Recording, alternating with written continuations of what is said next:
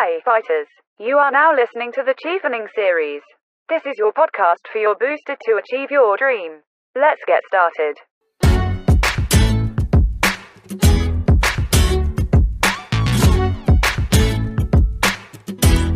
Halo semuanya, selamat datang di Titik Jeda. Nah, spesial nih, Titik Jeda kali ini ada di edisi Chevening Scholarship. Gak main-main, kali ini ada Kak salah satu award Chevening yang hadir buat Titik Jeda untuk kalian semua buat sharing dan juga akan membakar semangat kalian semua yang akan apply di beasiswa Chevening tahun ini. Oke, makasih sebelumnya untuk teman-teman titik jeda udah diundang ke sini. Menarik banget karena bisa sharing sama alumni-alumni maupun penerima beasiswa lainnya. Uh, saya dulu S1-nya di Hubungan Internasional UNPAR, Universitas Katolik Parahyangan Bandung. Uh, kemudian dari situ saya lulus, saya pindah ke kerja maksudnya di Metro TV sebagai wartawan sekitar enam tahun. Uh, in between enam tahun itu setahun saya sempat dapat scholarship dari US government jadi setahun di VOA Washington DC balik lagi ke Metro TV kemudian sebelum sekolah lagi saya pindah ke consultancy jadi public affair consultant di salah satu communication consultant di Jakarta namanya Royston Advisory sebulan 10 bulan di sana kemudian saya dapat beasiswa dari pemerintah Inggris yaitu Chevening mengambil MA Political Communication di Goldsmiths University of London. Uh, kalau dari ceritanya Kak Stella nih, sebenarnya lulus kuliah itu kan sudah mulai ada karir nih di Metro TV, lalu sempat ada hmm. beasiswa lagi ke USA, dan kalau bisa dibilang karir di Metro TV ini cukup oke okay gitu ya Kak ya, selama enam tahun lebih gitu kan. Hmm. Nah, kalau untuk sekolah dan mengejar beasiswa sendiri, apakah memang sudah ada rencana begitu? Jadi uniknya waktu aku, ini mungkin agak curhat sedikit ya, waktu aku SMA itu, sebenarnya dari sekolah ya, dari TK sampai SMA tuh agak bandel anaknya. Jadi masih belum tahu tuh mau ngapain, mau kuliah apa, masih pokoknya abu-abu banget lah. Sampai pada saat SMA kelas 3, udah mulai deg-degan karena lihat teman-teman udah mulai ada yang ke PTN, ada yang ke perguruan tinggi swasta, udah tahu pada mau kuliah apa, sementara aku masih kayak meraba-raba gitu. Padahal anak IPA tapi nggak tahu kuliah apa, sedih banget. Terus dari situ kepikiran uh, karena punya kakak sepupu yang pekerjaannya ada dari diplomat, dan dari situ mulai cari tahu diplomat ini backgroundnya apa ya. Dan HI ternyata kan HI oke okay, coba cari tahu HI dan di situ baru intens belajar bahasa Inggris. Belajar bahasa Inggris karena masih kacau balau banget bahasa Inggrisnya uh, dan akhirnya masuk ke HI Unpar tahun depannya swasta. Karena di UNER aku nggak dapet di UI juga aku nggak dapet. Jadi aku masuk Unpar. Sampai waktu S1 aku berpikir kan dalam hati gimana caranya supaya aku bisa keluar negeri tapi nggak pakai duit orang tua gitu. Uh, waktu itu kepikiran Uh, keluar negeri maksudnya dalam arti ini ya kayak ke Western countries ya, bukan kalau ASEAN sih beberapa kali udah lewat pertukaran pelajar di kampus, tapi yang benar-benar ke negerinya orang kulit putih lah istilahnya kayak gitu. Kebayang banget sih waktu itu perjalanannya pasti akan panjang karena aku jujur S1 tuh bahasa Inggrisnya masih masih patah-patah banget.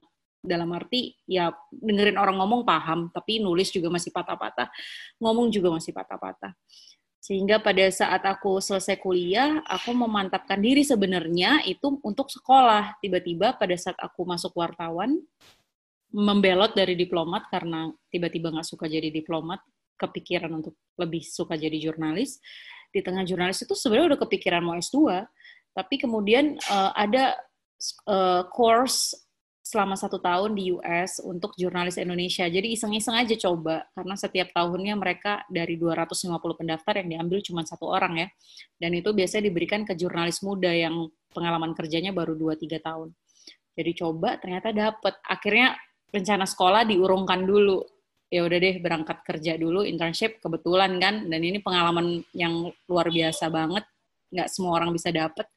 Jadi saya berangkat setahun di sana, balik, saya kepingin S2 di sana lagi. Sempat singgung juga sama Aulia pas ngobrol-ngobrol, saya sempat kepingin balik eh, S2 di Amerika karena uh, saya udah pernah setahun kan tinggal di sana. Ternyata uh, saya udah dapat LOA-nya dari dua kampus tersebut, saya coba LPDP, LPDP saya nggak dapet. PDP saya nggak dapet, trauma, setahun nggak mau lihat informasi beasiswa, baru kemudian memberanikan diri lagi, dan akhirnya nyoba chevening, dan ya puji Tuhan cheveningnya dapet. Gitu sih perjalanannya, kenapa akhirnya, memang dari kuliah tuh udah pingin, istilahnya bukan ya satu-satunya bisa keluar negeri ya sekolah kan, jadi makanya mikirnya, oke okay, saya harus sekolah S2 di luar negeri, gitu. Oke Kak Stella, sebenarnya menarik banget ya. Kayak ceritanya tuh kayak perjuangannya tuh panjang gitu loh. Dan Kak Stella itu juga pengalaman kerjanya tuh bagus-bagus gitu loh Kak. Tuh. Ada nggak sih negara tertentu yang bikin Kak Stella ingin buat ngejar mimpinya Kak Stella buat pendidikan S2-nya gitu? Maksudnya kayak semacam, kan udah pernah ke US gitu, tiba-tiba pindah haluan ke Inggris gitu. Itu ada nggak sih negara lain yang di Eropa yang sebenarnya Kak Stella juga ingin buat belajar di sana? kan tadi aku sempat singgung bahwa yang US aku nggak dapet itu sebenarnya pilihan berikutnya kalau nggak UK itu maunya ke Belanda sama New Zealand antara dua negara itu. Karena aku merasa bahwa mereka kedua negara ini cukup jauh dari Indonesia dalam arti uh, outreach-nya sehingga aku bisa networkingnya bisa lebih lebih luas di sana. Karena kalau kalau ini pandangan pribadi aku kalau Australia kan masih terlalu dekat ya jadi aku mhm. ngerasanya aku masih bisa reach out lah kalau teman-teman dari Australia, dari Indonesia gitu menurut aku. Tapi kalau udah New Zealand, Belanda, Jerman, UK, US itu kan cukup jauh ya. Jadi aku merasa kalau aku bisa di negara-negara tersebut kayaknya akan lebih bagus peluang aku untuk membangun networking di sana. Poin yang lebih yang yang yang kita dapat ketika kita sekolah di luar itu adalah networking. Tadi kan sempat disinggung nih kalau sebelum chevening itu kakak udah nyobain LPDP satu tahun sebelum dapat chevening, tapi masih mm-hmm. masih masih gagal di LPDP pada saat itu apa ada cerita yang menarik nggak sih kak dari LPDP? Nah ini mungkin aku nggak banyak ngobrol banyak sih tentang ini, uh, tapi aku pernah singgung juga sih waktu itu di sosial media. Aku waktu coba LPDP itu kan baru pulang dari VOA ya, dari uh, Voice of America, pulang agak tak kabur tuh. Ngerasa kayak, wah gila keren banget nih, gue udah setahun di Amerika. pulang kayak, oke okay, gue harus sekolah lagi ke Amerika. Karena waktu itu kebetulan uh, eh, LOE-nya dapatnya nggak terlalu susah aku waktu itu dapat LOA dari George Washington University sama American University jurusannya Public Policy. Dan hmm. waktu itu kebetulan setelah aku setahun lebih lah aku ditugaskan di istana ya. Jadi balik ke Metro TV dari VOA itu aku ditugaskan sama kantor Metro TV di istana. Jadi nempel presiden sama wapres waktu itu Pak Jokowi sama Pak JK. Dan beliau berdua ini kalau karena wartawan istana itu nggak boleh gonta-ganti ya, makanya kita bisa punya komunikasi yang enak sama mereka karena wartawannya ya kita kita aja gitu kebetulan disamperin juga sama Pak Wapres sama Pak Pres waktu kita lagi di sana. Ayo ayo siapa yang mau sekolah gitu. Jadi nanya. Mereka selalu encourage teman-teman wartawan tuh untuk sekolah lagi. Ayo sekolah lagi sekolah. Ada LPDP tuh ayo coba. Dan akhirnya Pak Wapres encourage saya sama salah satu teman saya namanya Isman untuk lanjut sekolah karena kebetulan dia masih jadi Wapres kan dia bilang mumpung saya masih jadi Wapres saya jadi bisa rekomendasiin kalian. Jadi waktu itu uh, saya datang ke ruangan beliau, minta rekomendasi beliau untuk LPDP, dan beliau memberikan rekomendasinya. Pak Wapres menulis menulis langsung nih surat ke direktur LPDP supaya saya bisa diberangkatkan sekolah ke Amerika. Hmm. Tapi ternyata pada tahun 2017 ada sistem yang baru yang diterapkan LPDP. Jadi bukan lagi administrasi ke fokus grup sama interview, tapi ada yang namanya online assessment yang kayak psikotes online gitu. Nah, saya harus melewati psikotes online itu sebelum saya ditetapkan lolos apa enggak ke fokus grup sama interview. Di psikotes online itulah saya gagal. Jadi waktu saya dapat beritanya saya gagal, saya menghadap ke Wapres, Pak Wapres ya, saya cukup ini sih lega dan bangga karena uh, beliau cukup apa ya, cukup fair dalam melihat kompetisi ini gitu dan beliau bilang ini psikotes online yang menilai adalah sistem dan we cannot cheat the system gitu sistemnya bilang kamu nggak bisa ya kita harus akui bahwa memang mungkin belum waktunya kamu coba lagi aja gitu dan di hmm. situ saya bilang oh ya sudahlah berarti memang bukan rezekinya LPDP sekarang kita masuk ke part yang chevening sendiri ya, Kak ya. Ya, uh, ya. Sama halnya seperti pendaftaran beasiswa yang lain, mungkin dari chevening sendiri kan ada beberapa persyaratan kayak administrasi ataupun juga uh. IELTS atau motivation letter. Nah, dari persyaratan-persyaratan itu yang menurut Castella ini paling susah dapetnya atau kayak butuh uh, effort yang lebih ini dari persyaratan yang apa atau dari proses yang mana? Jadi menurut aku ada dua yang perlu diperhatikan sama teman-teman. Yang pertama yang kayak kebayang dan yang kedua yang enggak yang yang simple. Jadi gimana ya? Yang pertama yang complicated, yang kedua yang simple. Yang complicated ini adalah essay. Karena essay kan mereka ada empat pertanyaan ya. Biasanya Chiefning tuh nanya tentang leadership skill kita, networking skill kita, terus rencana studi kita gimana, sama career plan kita gimana. Empat pertanyaan ini harus menjadi kekuatan dari masing-masing aplikan untuk mereka bisa lolos ke tahap interview. Jadi kalau Afifa dan teman-teman bayangkan setiap tahunnya itu ada 5.000 pendaftar yang mencoba chevening. Dan yang lolos ke interview itu hanya sekitar 200 sampai dengan 100 sekian orang gitu. Jadi bisa dibayangkan betapa ini ya apa eh, kompetitifnya dari esai ke interview itu. Padahal tahapan-tahapannya sendiri tuh nggak nggak ribet, nggak banyak. Jadi kita submit esai, kemudian kita interview, habis interview kita udah tahu deh kita dapat beasiswa apa enggak. Nanti masalah berangkat apa enggaknya itu dilihat di terakhir LOA, IELTS itu diserahkan nanti pas terakhir. Ketika bahkan ketika kita sudah dapat uh, beasiswanya, baru kita serahkan LOA sama IELTS-nya. Jadi itu nggak diminta di awal. Nah, menurut aku yang penting tuh ya esainya ini. Bagaimana teman-teman bisa menjawab empat esai ini yang menunjukkan bahwa mereka tuh distinct, special, dan mereka tahu kenapa mereka harus sekolah ke UK gitu. Karena kalau aku baca beberapa esai teman-teman yang baru daftar ya, aku pun belajar, aku pun belajar walaupun aku sekali nyoba itu aku belajar dari senior-senior, dari teman-teman yang udah pun pernah dapet chevening gitu. Orang-orang kalau nulis esai tuh ya misalnya ditanya gitu, kenapa mau sekolah ke UK? Jawabannya jawaban template, jawaban yang sebenarnya orang-orang bisa Google gitu. Ya UK bagus, negaranya bagus, sistem edukasinya bagus, kampusnya bagus I mean bayangin 5.000 orang lain yang mereka jawab hal yang sama. Gimana kalian bisa meminta orang chevening melihat kalian spesial kalau kalian jawabannya hanya seperti itu? Aku selalu encourage teman-teman kalau jawab, aku selalu bilang, kalian cari tahu dong apa yang pengen kalian riset di Indonesia yang sekiranya kalian cuma bisa belajar itu di UK, kalian nggak bisa belajar di negara lain kalian nggak bisa belajar itu di Indonesia, kalian nggak bisa belajar itu di Australia, di Amerika, terus pokoknya harus di UK dan harus di kampus itu. Nah, saya aku tuh sampai sespesifik itu gitu, karena menurut aku itulah poin penting kenapa mau nggak mau mereka harus sekolahin aku di kampus itu gitu. Jadi menurut aku esai itu penting, terutama yang lainnya adalah leadership sama networking. Bagaimana menggunakan metode STAR, aku nggak tahu apakah teman-teman LPDP juga menggunakan hal yang sama dalam menulis esainya.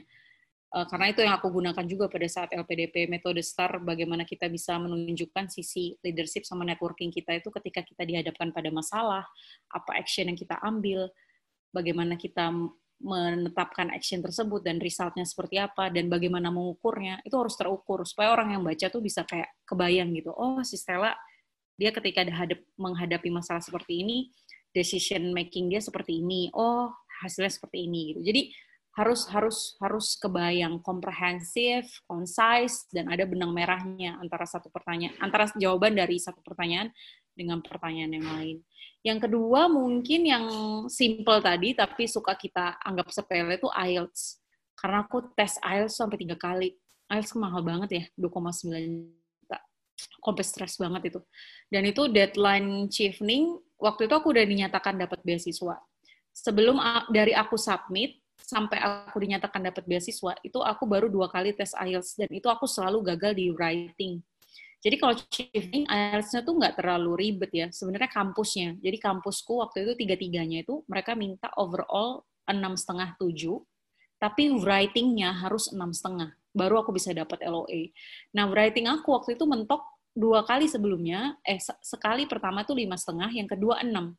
Dan aku kayak, wah itu udah tinggal deadline dua minggu, aku harus serahin LOE-nya ke Chevening.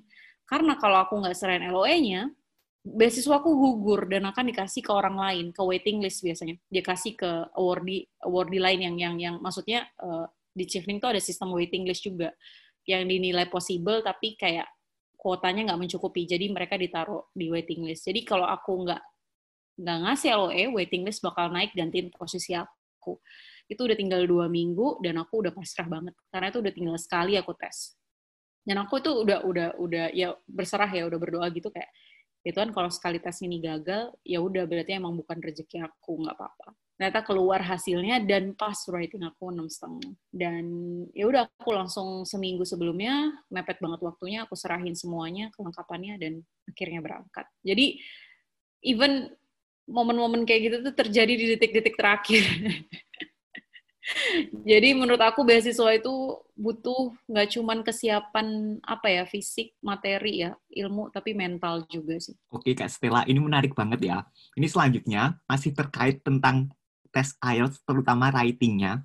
Itu gimana sih caranya Kak Stella itu ngakalin biar writing-nya Kak Stella yang udah gagal tiga kali gitu, biar bisa dapat angka 6,5, di mana hmm. Kak Stella itu punya kesibukan lain saat itu gitu. Hmm, hmm. Jadi kalau dilihat dari timeline aku ya, Chevening itu kan selalu buka sekitar Agustus ya, setiap tahunnya di bulan Agustus, penutupannya November.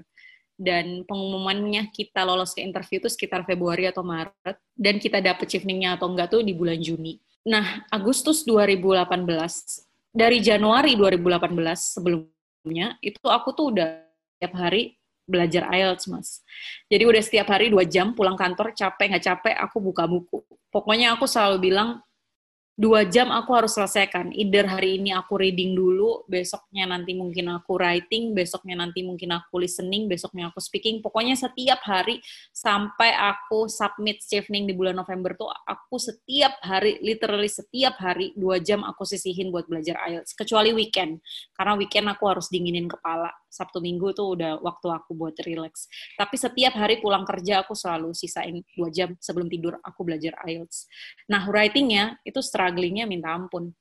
Uh, dari aku tes pertama Desember 2018 itu keluar lima setengah shock banget karena ngerasa kok kayak wah gue bego banget nih maksudnya uh, selama kerjaan kan kita kadang-kadang juga nulis teks Inggris terus kayak waktu selama di VOA kan juga teks Inggris gitu jadi ngerasa kayak wah gila kok gue bego banget ya Kak, nah ternyata setelah aku coba diskusi sama teman-teman yang udah pernah tes IELTS, sama senior-senior yang udah pernah ngajar IELTS juga gitu, mereka bilang emang karakter IELTS tuh beda sama TOEFL dan masing-masing tuh punya karakternya gitu. Bagaimana bisa mencapai nilai itu. Nah itulah yang aku aku aku pelajarin gitu. Dan paling penting adalah feedback sih. Karena kita tuh kalau latihan tapi nggak ada feedback dari orang itu kayak percuma gitu karena kita nggak tahu kurangnya kita di mana. Jadi waktu itu aku banyak minta tolong teman-teman yang writingnya udah jago banget dan rata-rata mereka yang kayak uh, either mereka native atau mereka um, dulunya sekolah internasional.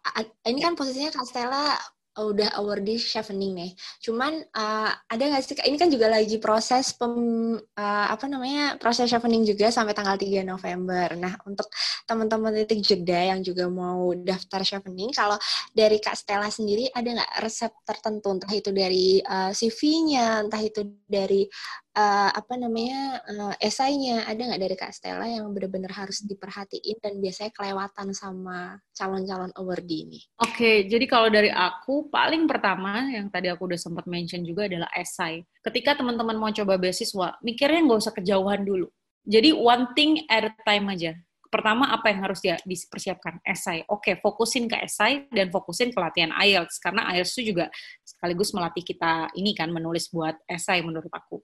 Jadi fokusin aja itu dulu. Nggak usah mikir nanti oh, ngurus visa gimana atau nanti interview gimana. Itu itu nanti dulu. Fokusin ke esai empat pertanyaan ini karena itulah yang paling kompetitif percayalah itu yang paling kompetitif. Dari interview interview juga kompetitif ya karena dari 200 orang tuh biasanya yang diambil hanya sekitar 40 dan 60 tapi kalau dilihat dari porsinya 200 diambil 40 sama 60 dari terus 5000 diambilnya cuman 200 itu kan berarti lebih berat yang yang tahap pertama ya. Jadi fokusin ke esai yang kedua baru persiapin yang lain. Dan yang berikutnya adalah support system sih teman-teman harus memang rela untuk mengorbankan waktunya dengan orang-orang yang memberikan support penting untuk sekolah kalian, cita-cita kalian gitu. Jadi aku waktu itu ya bukan milih-milih teman, akunya harus pintar mengatur waktu, kapan aku harus main dan kapan aku harus belajar. Karena itu susah. Susah karena pasti kayak harus mengorbankan waktu senang-senang, harus mengorbankan waktu ngobrol, bercanda-bercanda. Tapi itulah yang memang harus kita lakukan kalau kita memang mau aim something. Kan. You gain something, you lose something. Uh, support system yang baik, cari orang-orang yang bisa mendukung kalian untuk sekolah, cita-cita kalian. Dan yang ketiga, feedback dari alumni, dari orang-orang yang udah pernah sekolah keluar, terutama alumni Chevening. Karena alumni Chevening bukan berarti itu jadi semacam smart formula ya, karena nggak ada yang tahu. Kita kan bukan bagian dari shifting committee-nya ya. Tapi dari pengalaman-pengalaman pengalaman alumni, mereka bisa memberikan perspektif yang berbeda kepada kalian. Terutama cari yang background-nya sama kayak kalian, karena itu lebih ngaruh. Kalau misalnya kayak Aulia, misalnya jurusannya kelautan, mungkin secara structure esai aku bisa bantu walaupun aku di industrinya divisinya politik tapi akan lebih bagus misalnya kalau Aulia kelautan gitu ya S2-nya nyari yang memang background-nya ada orang-orang yang bekerja di bidang itu atau yang S1-nya di situ. Mereka akan bisa lebih mengerti sektor kalian gitu dan bisa mengarahkan poin-poin pentingnya tuh di sini, di sini, di sini. Berarti intinya adalah nggak boleh malu ya kak. Maksudnya biasanya tuh kan beberapa beberapa calon awardee itu kayak, uh, aduh sungkan nih bahasanya kalau bahasa Jawa itu kayak sungkan nih mau tanya sama awardee kayak gitu, gitu. Takut esainya itu kelihatan jelek gitu. Berarti nggak boleh ya? Nggak boleh, jangan malu. Aku malah waktu itu ya kebetulan aku kenal sih karena ada beberapa senior aku yang udah dapet chief nih. Dikatain esai langsung detik detik pertama dia baca esai aku namanya Mbak Eno langsung dibilang gini Stel lu kayaknya nggak akan dapet deh. Kayak literally dibilang kayak gitu lu kayaknya nggak akan dapet deh kalau lu nulisnya kayak gini. Terus kayak Mbak Eno maaf. Jadi aku nulisnya harus gimana ya? Mohon bimbingan. Kayak emang harus begitu ya namanya kita belajar kan. Cuman hmm. style style alumni style mentor kan beda-beda. Jadi hmm. menurut aku ketika kalian punya aim sesuatu yang penting dalam hidup kalian don't take it personal. Selama itu tujuannya kalian buat belajar ya. Kalau kalian tujuannya buat belajar buat self development jangan pernah take it personal apa pun yang menghalangi cita-cita kalian itu karena fokus eyes on the prize gitu loh jadi jangan cepat ambil hati, jangan cepat tersinggung. Yang penting kalian you learn something gitu. Itu itu itu itu uh, menurut aku lebih penting daripada mikirin kayak kok dia gini, kok dia kok, kok itu sih itu gini, kok enak kayak that doesn't matter. Yang penting ada gimana kalian belajar setiap hari supaya sedikit demi sedikit cita-cita kalian itu semakin kelihatan. Orang tahu aku award nih ketua PPUK, ya udah, rasanya cuma bentar, setahun kelar, udah back to real life sama kayak gagal, aku juga nggak mau ngerasain gagal tuh yang kayak berkepanjangan gitu. Karena nanti juga rasanya hilang sendiri. Sama kayak sukses, nanti rasanya hilang sendiri. Jangan pernah attach yourself on success dan jangan pernah attach yourself on your failure. Jadi lakukan yang terbaik yang kamu bisa pada saat itu gitu loh. Jangan pernah attach yourself on anything Nah, gimana? Mantep banget nggak sih cerita dari Castella?